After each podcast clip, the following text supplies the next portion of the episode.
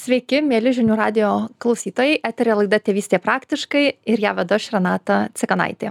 O šiandien pas mus svečiuose yra Robertas Karvauskas, Samoningumo mokyklos gyvenimo rytas įkūrėjas. Sveiki, Robertai. Sveiki. Koks poetiškas pavadinimas - gyvenimo rytas. Iš tikrųjų, tiek daug rytų prasideda ir pradeda mūsų naują dieną ir tiek mažai mes to momento kiekvieną rytą užfiksuojame. Kažkaip rytas veja vakarą, vakaras veja rytą ir tų rytų kaip ir daug, bet kaip ir mažai. Kaip jums iš vis kilo idėja, mintis galbūt pavadinti savo mokyklą būtent gyvenimo ryto pavadinimu? Visą tai kyla, viskas, ką aš perduodu ir viskas, uh, kas ateina į mane, tai ateina iš vidaus, ateina iš širdies ir tiesiog intuityviai aš aiškiai suvokiau, kad nei, nei viena akimirka gyvenime niekada nesikartoja. Taip kaip nei vienas rytas nebūna toks pat, atsikeliam ir mes visą laiką kažkokie kitokie, kitokia nuotaika, kitokios mintys, kitoks oras, kitoks apšvietimas, kitokio, e, kitokios aplinkybės aplink mus. Taigi kiekvienas rytas yra naujas gyvenimas tai kažkaip taip ir susidėjo man kad gyvenimo rytas. Tai yra visa tai kas atitinka šios akimirkos intuityvią būseną mūsų viduje. Tai gyvenimo rytas. Tai jūs sakot, kad net jeigu mes valgome kiekvieną rytą tą patį sumuštinį jau dešimti metai ir geriame tą pačią kavą su pienu, vis tiek nei vienas rytas nėra toks pat, koks jau yra buvęs. Niekada, nes mūsų viduje tuo momentu yra kažkas kitaip. Kitokia nes visa praeita patirtis duoda mums naują būseną. Ir jeigu nebūtų vakarykščių minčių jeigu nebūtų vakarykščių patyrimų šiandien mes būtume visiškai kitokie. Ir kada tai buvo mes jau kitokie. Mes nuolatos kintam mes nuolatos evoliucionuojam mes nuolatos vingiuojam kaip upė. Ir niekada nepasikartos nei viena akimirka taip kaip niekada nepasikartojo e, dvi vienodos bangos vandenyne per milijardus metų. O kodėl mes to tada nepastebime? Kodėl mums um, tikrai būna momentų, daug momentų gyvenimuose, kur mes galvom, kad uh, mes jau viską matėm viską girdėjom viską regėjom viskas tas pats per tą patį nuobodu norisi kažkokių aštresnių pojūčių ir tie rytai visiems atrodo identiški o jūs sakot kad nėra nei vieno to paties momento kodėl mes tada gyvenam ir jaučiam taip lyg viskas būtų labai panašu mūsų gyvenimuose Labai geras klausimas, Renata. Tai šitą vietoj aš, mano atsakymas būtų toks. Mes nuolatos skanuojam pasaulį savo penkiais pojūčių organais. Ir tie pojūčių organai, jie su, sumoduliuoti, nukreipti į tai, ką mes turim savo viduje. Ir kadangi mus nuo mažens išmokino žiūrėti tik tai į fizinius parametrus, va sako, Renatėlė, va čia tavo nosytė, čia tavo ausytė, o ten mašinytė, namas, medis, tėtis, mama, ir apie ką tai? Viskas apie fizinius dalykus. Niekas nuo mažens mums neaiškino apie tai kad yra energiniai laukai kad yra aura kad tai yra mūsų būsena mūsų vibracijos. Niekas to nesakė. Todėl mes įpratom žiūrėti į viską kaip į fizinį pasaulį. Ir tada mes skanuojam tiktai fizinę dedamąją kur atrodo stalas namie stovi taip pat sumuštinis lyg tai toks pat viskas taip pat. Ir mes tada skanuojam tiktai šituos dalykus. Tai aš duodu tokį pavyzdį paprastai. Kada eina turistas paryžiuje ir žiūri vau čia eifelio bokštas ten yra luvras ten yra monmartro gatvelės. Ir čia pat yra benamis kuris žiūri į šiukšliadėžę ir galvoja va šitą skardinę galima priduot čia tas butelis dar kažkas tai benamis nemato eifelio bokšto o tas kuris stebi eifelio bokštą nemato tos skardinės. Nes mes tiesiog apsiribojam savo vidiniu pasauliu savo žinojimu apie tai kas yra kaip ir mūsų interesai e, susiaurėja labai. Mes labai siaurai skanuojam. Ir jeigu mes skanuotume ne fizinius parametrus o skanuotume tai kaip mes jaučiam išorinį pasaulį tokiu atveju mes patirtume labai daug naujovių. Ne veltui šventraščiuose sakoma nei vienas neįeis į dangaus karalystę kol netaps mažutėliu kuris nežino kaip turi būt kuris nė iš anksto neturi nuostatos. Ir tada jisai jaučia kiekvieną akimirką naujai.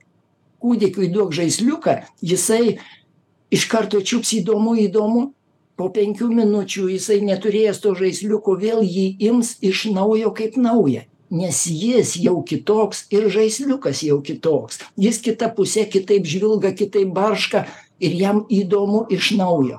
Deja mes apsiribojam ir nemokam skanuot širdimi pasaulio. Mes skanuojam tiktai penkiais pojūčių organais o tas šeštasis intuicija jis apribotas vien dėl to, kad mes neskiriam jam dėmesio. Ir aš e, iš asmeninės ir ne tik tikriausiai patirties pridėčiau dar, kad tai, kas trukdo būti tame momente, kuris yra naujas kiekvieną kartą, tai yra mūsų visų e, gebėjimas mąstyti ir galvoti ir analizuoti ir įvardinti tai, ką matome, yra toks konfucijaus, man atrodo, e, išreiškimas. Jisai sakė, kad tada kai pirmą kartą vaikui paro kai vaikas žiūri į paukščiuką ir mes jam pasakom čia paukščiukas.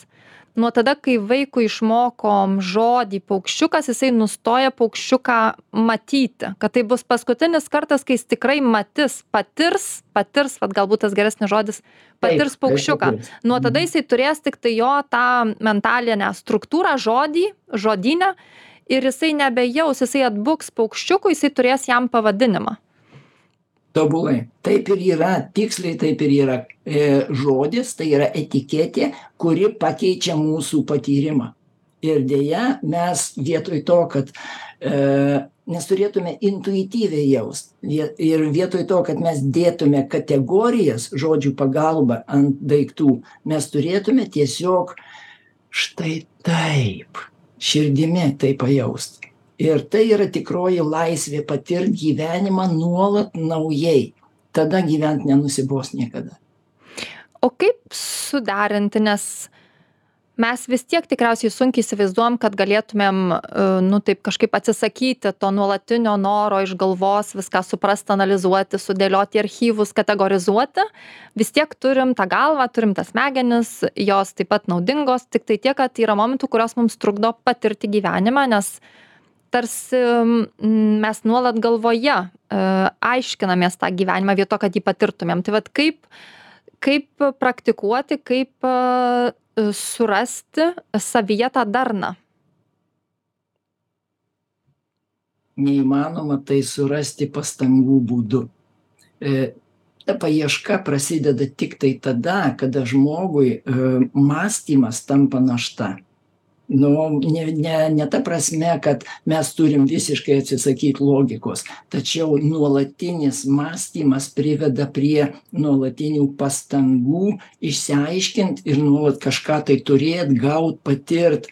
Ir tai yra pastangos. O pastangos eikvoja mūsų gyvybinę jėgą. Todėl mes pastangų būdu niekada nesugrįšim į tą ramybę. Ir e, kaip tapt intuityviu ir mažiau mąstyt tai tiesiog prie šito dalyko priveda žmogų kritinis kiekis nepasitenkinimo tuo kaip aš gyvenu dabar. Ir tada jisai intuityviai pradeda skleist savo dėmesį su tikslu atrast kažką nauja kas duos visai kitus pojūčius.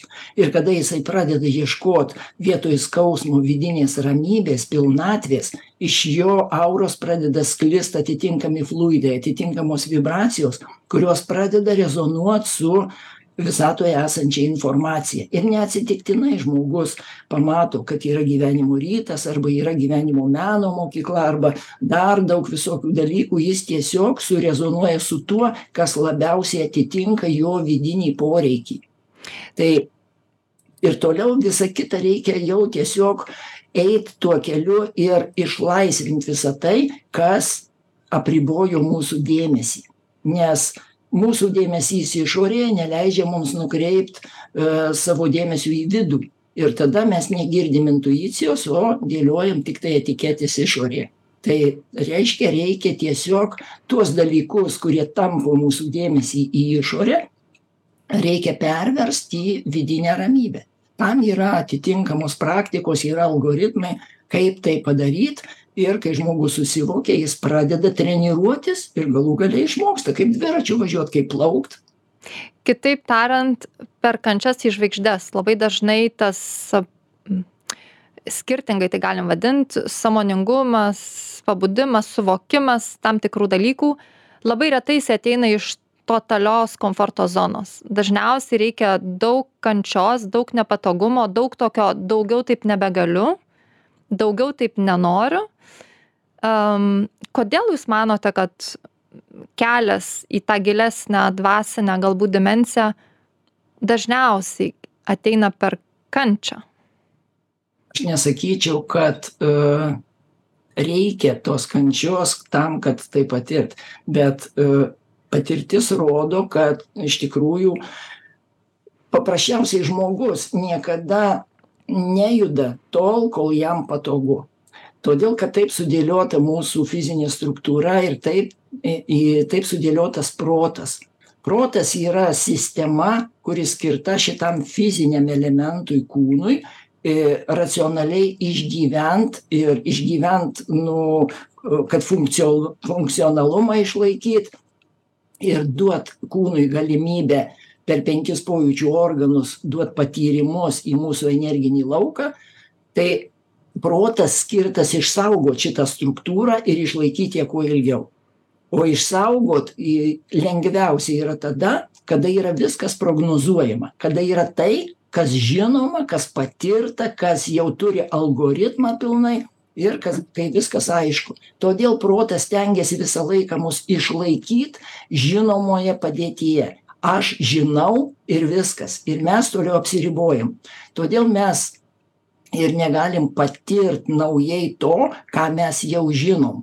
Už tai kad protas uždeda šabloną visa tai žinoma ir mūsų penki pojūčių organai tada apsiriboja ir skanuoja tik žin žinojimo ribose pasaulį.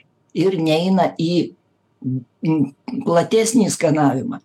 Todėl kai mes stengiamės išsilaikyt tame pačiame o visata nuolatos kinta niekada nesikartoja tas pats tada mes pradedam kaupt neatitikimus. Tai reiškia aš žinau kaip turi būt pagal savo praeities patirtį o dabar yra jau ne taip. Ir mes pastebim kad kažkiek ne taip. Ir tada ką mes galvojam? Kažkas ne taip reikia pataisyt ir mes stengiamės ir mes tampam nepatenkinti savimi kodėl mums nesigauna iš karto. Kol mes stengiamės pataisyt visata toliau vėl evoliucionuoja. Ir kai mes pataisom vėl yra kažkiek ne taip negu mes norėtume. Ir tai nuolatos. Ir va tai kaupia mums nepasitenkinimą gyvenimu kaupia nepasitenkinimą savimi. Tai reiškia ir savivertė krenta iš to kinta mūsų būsena nuotaika iš to formuojasi santykiai ir mes einam į skausmą pamažu. Ir nesuprantam šito dalyko nes tai yra už logikos ribų. Kadangi mes nežinom energetikos didžioji dalis žmonių neturi supratimo kad mes gyvenam kad mūsų gyvenimas yra vidinių būsenų raida o ne išorinių veiksmų ir funkcionavimo raida ir todėl žmogus nuolatos kreipdamas dėmesį į išorinius parametrus ir stengdamasis juos pritempt prie to kaip žino jis kaupia įtampas kaupia nerimą ir ateina skausmas. Ir tada jisai mato kažkas ne taip algoritmas neveikia. Čia galima daug daug kalbėt giliai apie tai.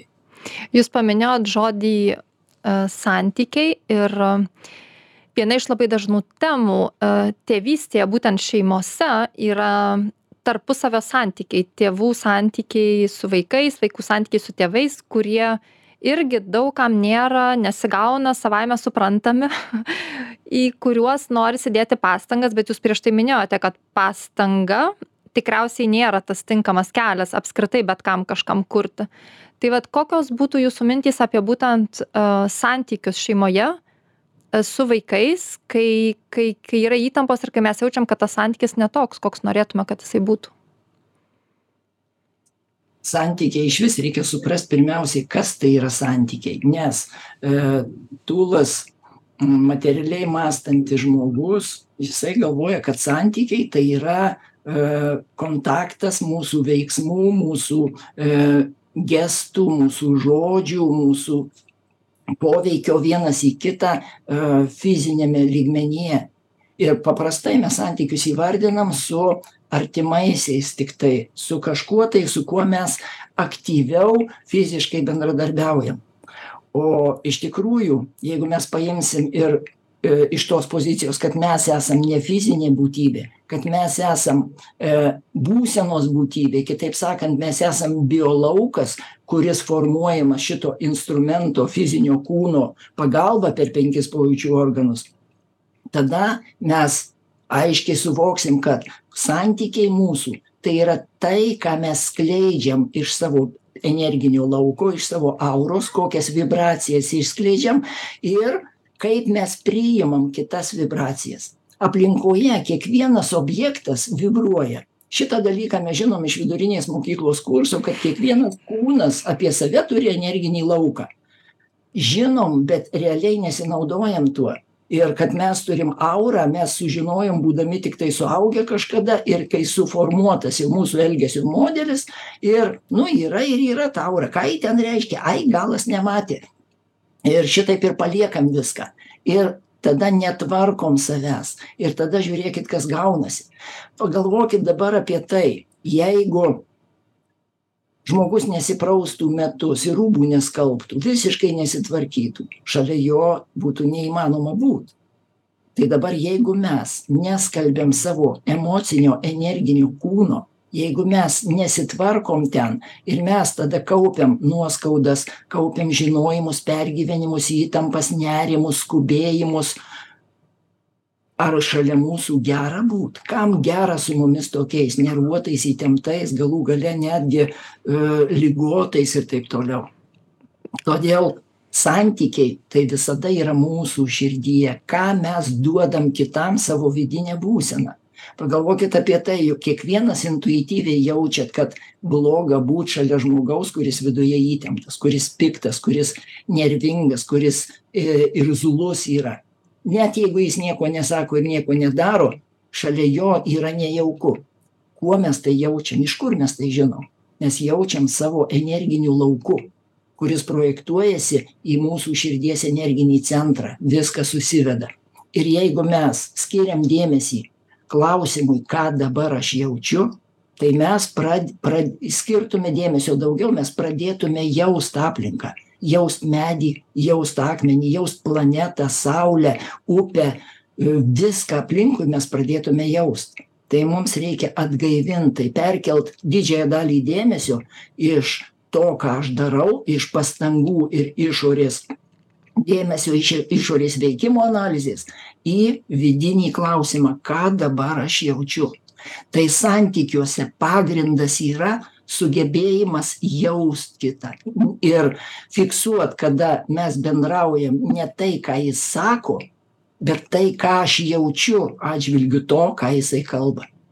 Ir tada iš to iš širdies būsenos e, bendraut. Visiškai kitas dalykas gaunasi Tai jūs sakot, kad yra svarbu, iš kokios e, vietos mes ateiname į santykį, ar į santykį ateiname iš savo tokio labai stipraus um, na tikriausiai ego kuris turi tam tikrą suvokimą koks santykis turi būti kaip tie vaikai turi su manim kalbėtis ką jie turi man sakyt kad aš jausčiausi gerbiama ir priimta ir mylima. Ar aš į santykius ateinu gebėdama ir save jausti kaip kažką kas gyvena už žodžių tai yra save matyt identifikuot ne tik per žodžius kurie man iš burnos gali lįsti nuolat ir iš vaiko taip pat girdėt ką vaikas sako bet girdėt ir matyt ir jaust daug daugiau negu tai kas yra pasakyta ir galbūt esmė kartais yra netgi ne tame kas buvo pasakyta. Tarsi kaip aš kaip mama arba tėtis galiu jausti vaiką kuris yra šalia manęs kaip kitą mm, žmogų šalia manęs ir kuris yra daug daugiau negu jis ką galės pasakyt per visą savo gyvenimą kokius žodžius naudos kokias etiketes vartos kad yra kažkoks būdas pajusti tą kitą žmogų už žodžių už viso to kas bus pasakyta. yra būdas ir jisai būtinas neišvengiamas. Mums šventieji davė nurodymus. Jėzus sakė daryk kitam taip kaip nori kad tau darytų.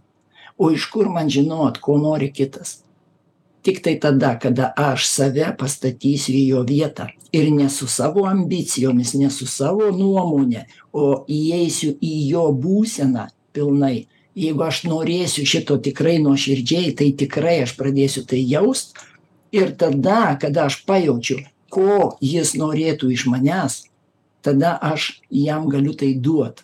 Ir jeigu aš tikrai pradėsiu duot tai ko jam reikia neišvengiamai jisai norės man atsidėkot ir jis norės duot tai ko man reikia. Ir tada užsimezga visai kitas santykių ratas.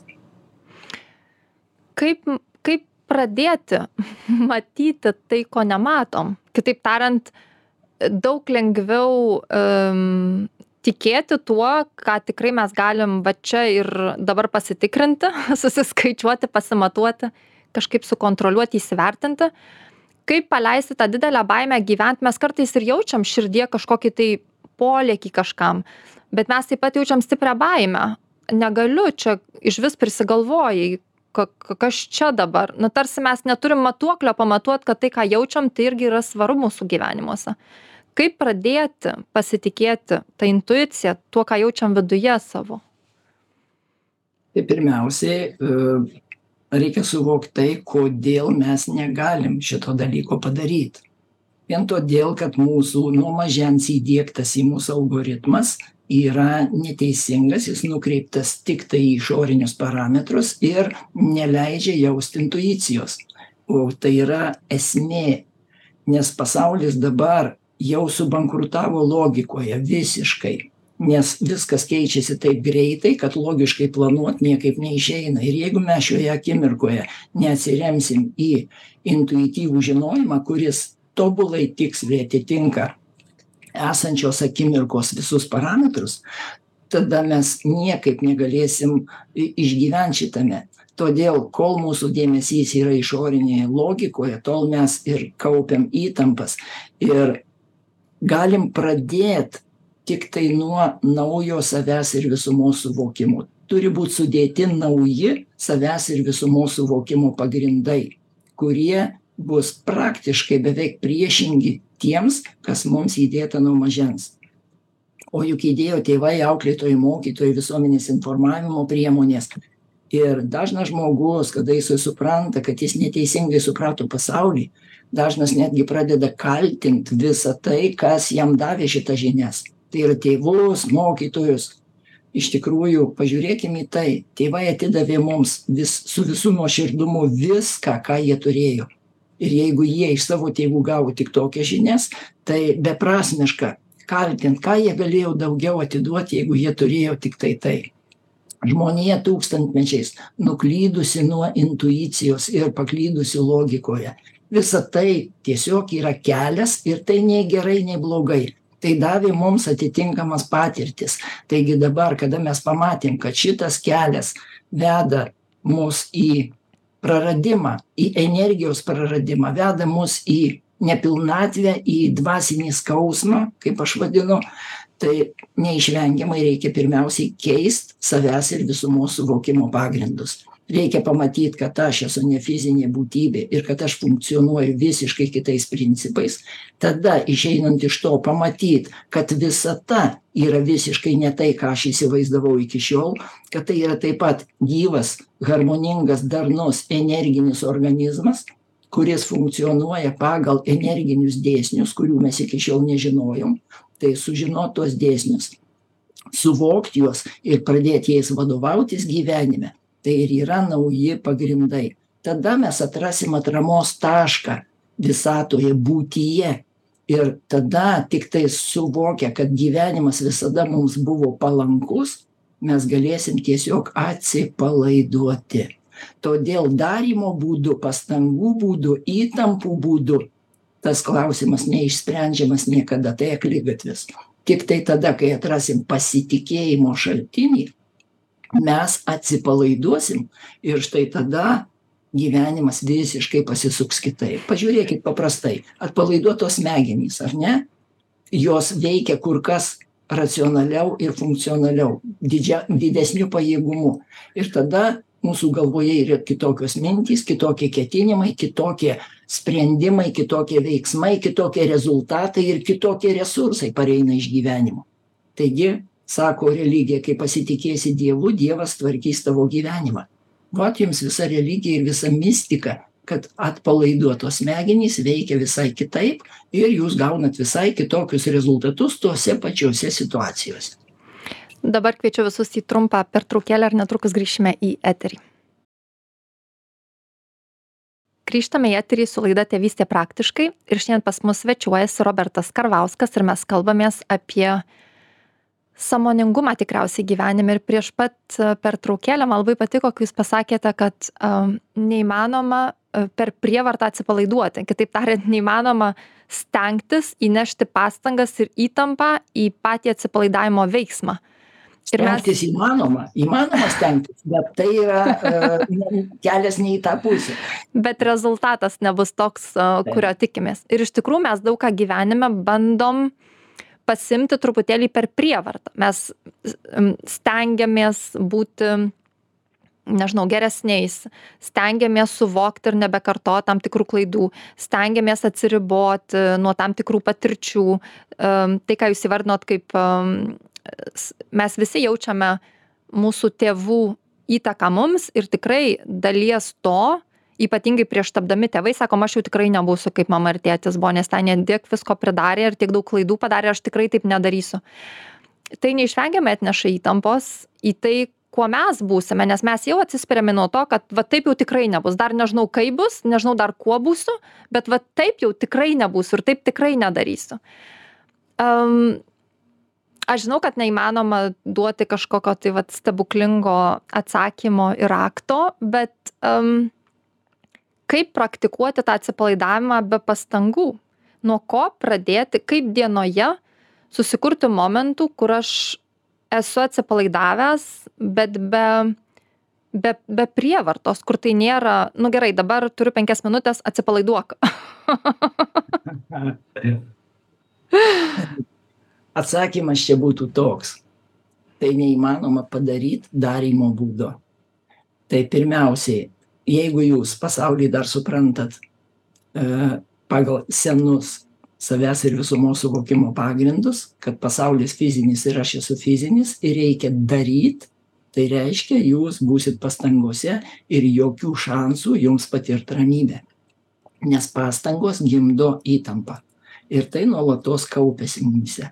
Tiktai tada kada mes suvoksim save ir gyvenimą naujai mes suvoksim kad gyvenimas visada aprūpina mus taip kaip mūsų organizmas aprūpina kiekvieną savo ląstelę. Ląstelei nereikia blaškytis po organizmą ieškot resursų ji gauna resursus. Taip lygiai ir mes mums nereikia blaškytis po gyvenimą. Gyvenimas visada duos mums viską. Ir aišku natūralu kyla klausimas tai kaip duos jeigu aš pats nepasiimsiu?